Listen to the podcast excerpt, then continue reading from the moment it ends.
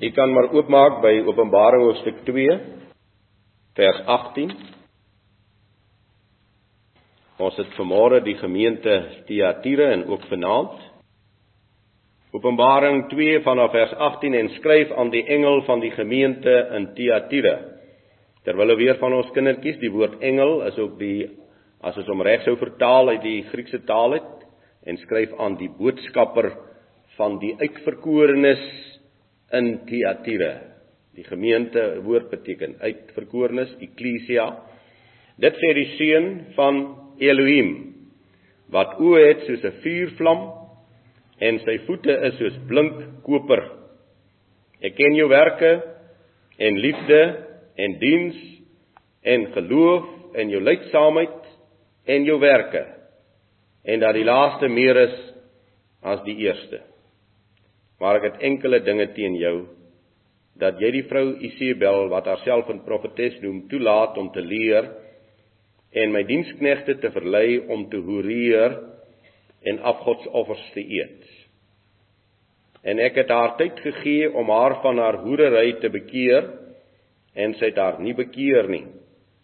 Kyk, ek werp haar neer op 'n siekbed en die wat met haar oorspel bedryf in groot verdrukking as hulle hulle nie van hulle werke bekeer nie. En haar kinders sal ek sekerlik doodmaak en al die gemeentes, al die uitverkorenes sal weet dat dit ek is wat niere en harte deursoek. En ek sal aan elkeen van julle gee volgens sy werke. En ek sê vir julle en die ander wat in Thyatira is, almal wat hierdie leer nie het nie, en die wat die dieptes van die Satan soos hulle dit noem, nie leer ken het nie, ek sal op julle geen ander las lê nie. Hou maar net vas wat julle het totdat ek kom. Ons sal vanaand verder lees.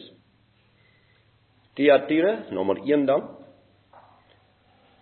Geliefdes, hierdie gemeente se naam beteken oordurende of herhaalde offer. As 'n mens die naam lees en verstaan, dan weet jy dadelik dat jy te doen het met die leerstellings van Rome. Herhaalde offerhande. Die Rooms-Katolieke gebruik die woordjie mis, herhaalde offerhande of hulle praat van die mis wat hulle gereeld bywoon.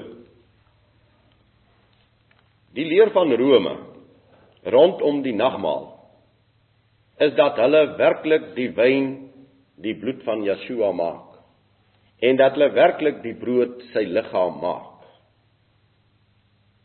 Hulle glo werklik hulle eet en hulle drink hom. En voordat die priester die nagmaal aan die lidmaat bedien, dan offer hy eers hierdie brood en hierdie wyn aan God Jahwe. En daarom word staan die woordjie mis dan ook bekend as herhaalde offerande. Nou ons lees in Hebreërs hoofstuk 10 vanaf uh, vers 10 Deur hierdie wil is ons geheilig deur die offer van die liggaam van Yeshua die Messia net eenmaal. En elke priester staan wel dag vir dag om die diens waar te neem en dikwels dieselfde slagoffers te bring wat tog nooit die sondes kan wegneem nie. Maar hy het nadat hy een slagoffer vir die sondes gebring het, vir altyd gaan sit aan die regterhand van God en wag nou verder totdat sy vyande gemaak is in voetbank van sy voete.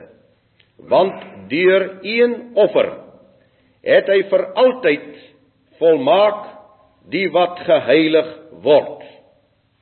Geliefdes, as daar 'n gedeelte is in u skrif wat onderstreep moet word, dan is dit hierdie gedeelte. Want hier staan aangrypende wonder en genade. Die Ou Testamentiese priester moes herhaaldelik offer. As u die voorskrifte gaan lees, sal u sien hoeveel offerhandes daar gebring moes word vir dit en vir dit en vir dit. Maar die Hebreërs skrywer kom sê vir ons 'n aangrypende woord.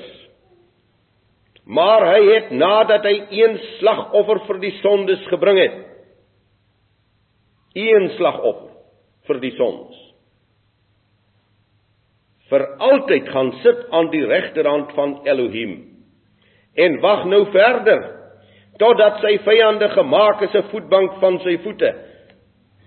Wat 'n heerlikheid dat Yeshua op die troon sit en dat al sy vyande onderwerp sal word aan sy voete en dat hy vir sy volk eenmalig een keer al hulle sonde vergeef het vanaf Adam tot by die laaste kindjie wat gebore sal word binne hierdie geslag want deur een offer het hy vir altyd volmaak wat geheilig word.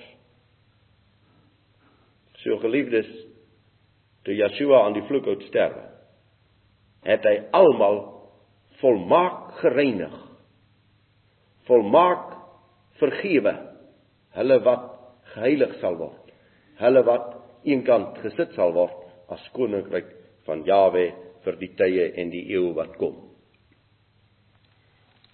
En vroeg, baie vroeg lees ons dan by die gemeente van Thyatira het hierdie verskriklike dwaling ingekom en het hulle weer beginne om dan die nagmaal te gebruik en te simboliseer as 'n voortdurende offer aan God.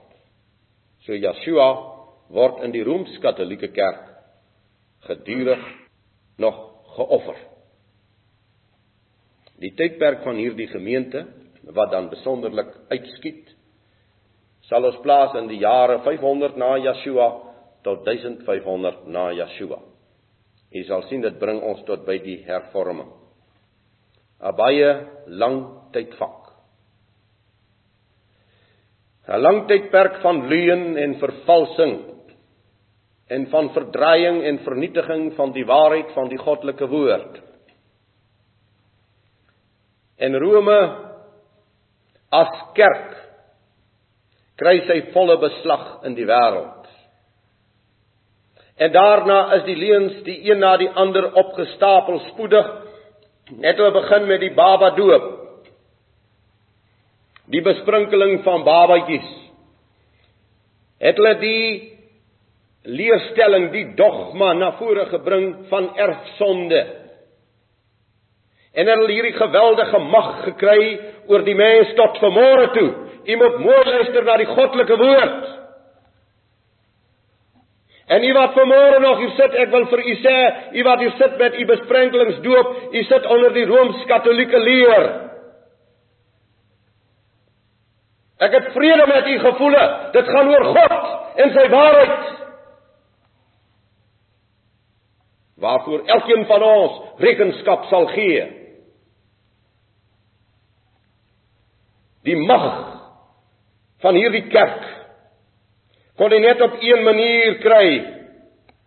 En dit is om vir die onkundige ouer te gaan sê, jou kindjie is in sonde ontvang en gebore en daarom 'n kind van die toren sodat hy in die ryk van God nie kan kom nie tensy hy weer gebore word. Hiervan is die doop 'n seël en teken strooi. Dit staan nêrens in die Bybel geskrywe nie. Jy moet kyk na die mag van die leuen tot vanmôre toe. En daardie onkundige ouer is bedreig met sy kindjie en die rooms-katolieke priester kom en hy druk sy vingers in die water in en dan sê hy vir hierdie ongelowige of onkundige ouer, ja ek moet hulle ongelowiges ook noem. Hulle het nie die Bybel geken nie. As ek nou hierdie water my vingers in die water indruk, dan daal die Heilige Gees in die water in. Jy moet die rooms-katolieke leer sien hoe magtig is hy. En dan as die as ek nou van hierdie Heilige Gees water vat en dit op die kindjie se kop laat val, dan was dit sy erfsonde af.